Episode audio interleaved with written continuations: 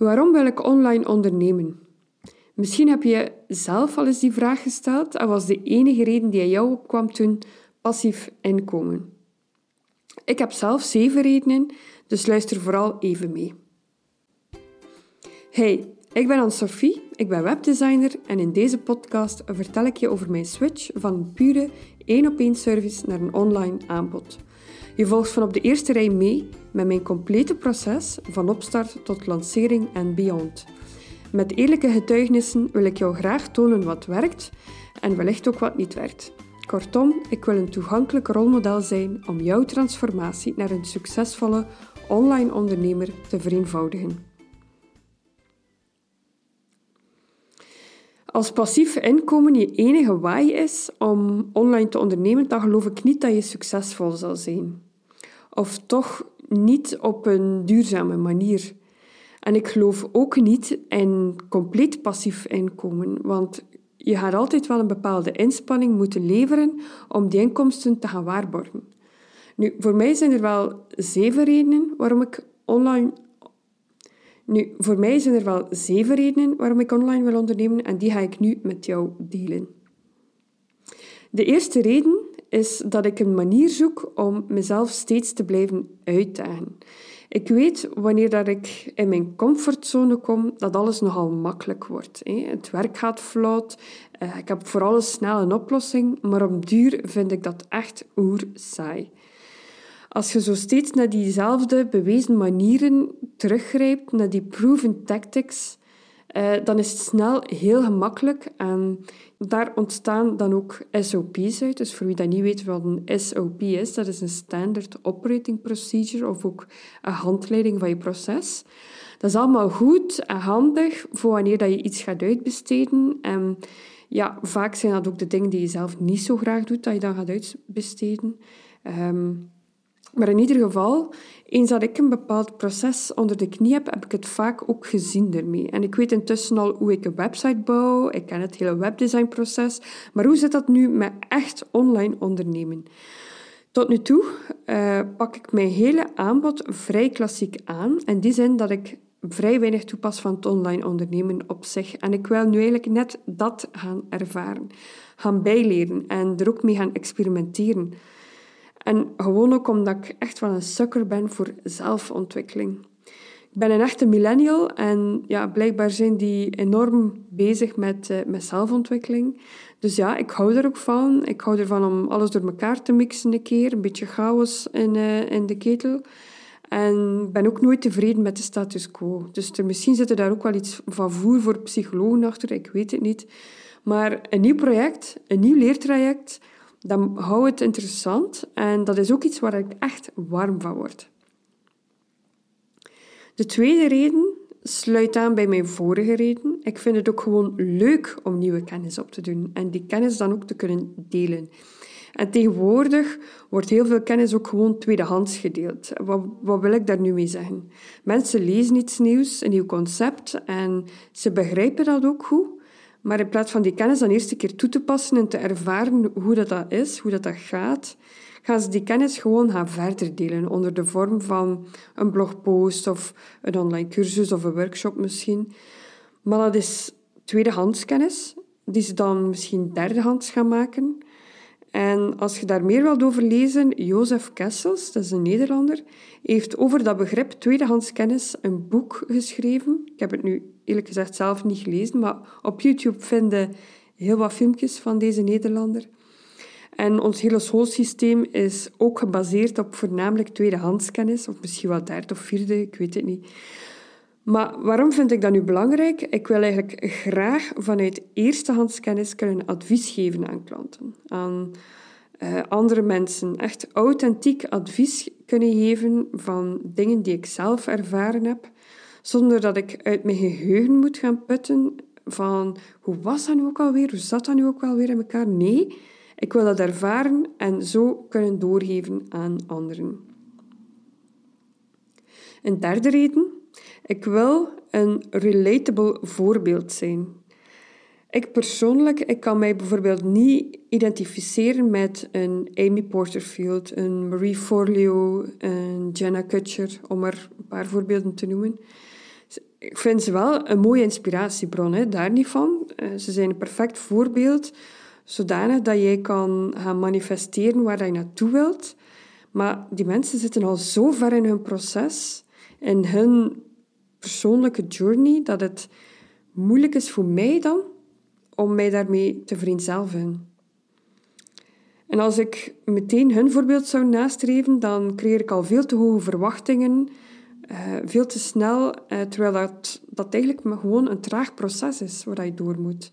En dat moet ook uh, genormaliseerd kunnen worden. Dus geen overnight successen en zo, maar een traag proces, een, een plezant proces. En op die manier probeer ik dan, of zou ik dan toch graag een inspiratiebron kunnen zijn. Een soort van rolmodel voor mensen die ook dit avontuur gaan starten, dus dat online ondernemen. En laten zien dat het ook niet al fun en games is en dat het ook wel traag mag gaan. Mijn vierde reden. Ik wil startende ondernemers helpen met het bouwen van hun website. Op die manier wil ik de barrière een stuk verlagen voor die starters. Want waarom is een goede, wervende en converterende website enkel weggelegd voor ondernemers die, die dat budget kunnen vrijmaken? Het zou eigenlijk niet enkel ja, mogen weggelegd zijn voor die gevorderde ondernemers, die het dan ook veel gemakkelijker hebben om die investering te, gaan doen. Ik geloof dat ook die startende ondernemers een gigantische impact kunnen maken op anderen, op de wereld, dus waarom kunnen die ondernemers ook niet onmiddellijk starten met een goed opgebouwde website die dan in de toekomst ook zeer flexibel kan meegroeien met hun bedrijf? Mijn vijfde reden. Ik heb zelf ook mogen genieten van een fantastische coach, meer bepaald een loopbaancoach. En Katrien, als je dit hoort, ik ben u nog steeds ontzettend dankbaar voor alle inzichten die je mij gaf tijdens onze sessies.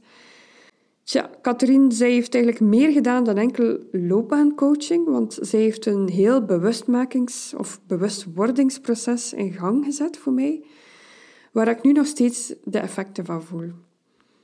En ik denk ook eens dat dat, dat proces in gang gezet wordt, dat je nooit meer terug kan.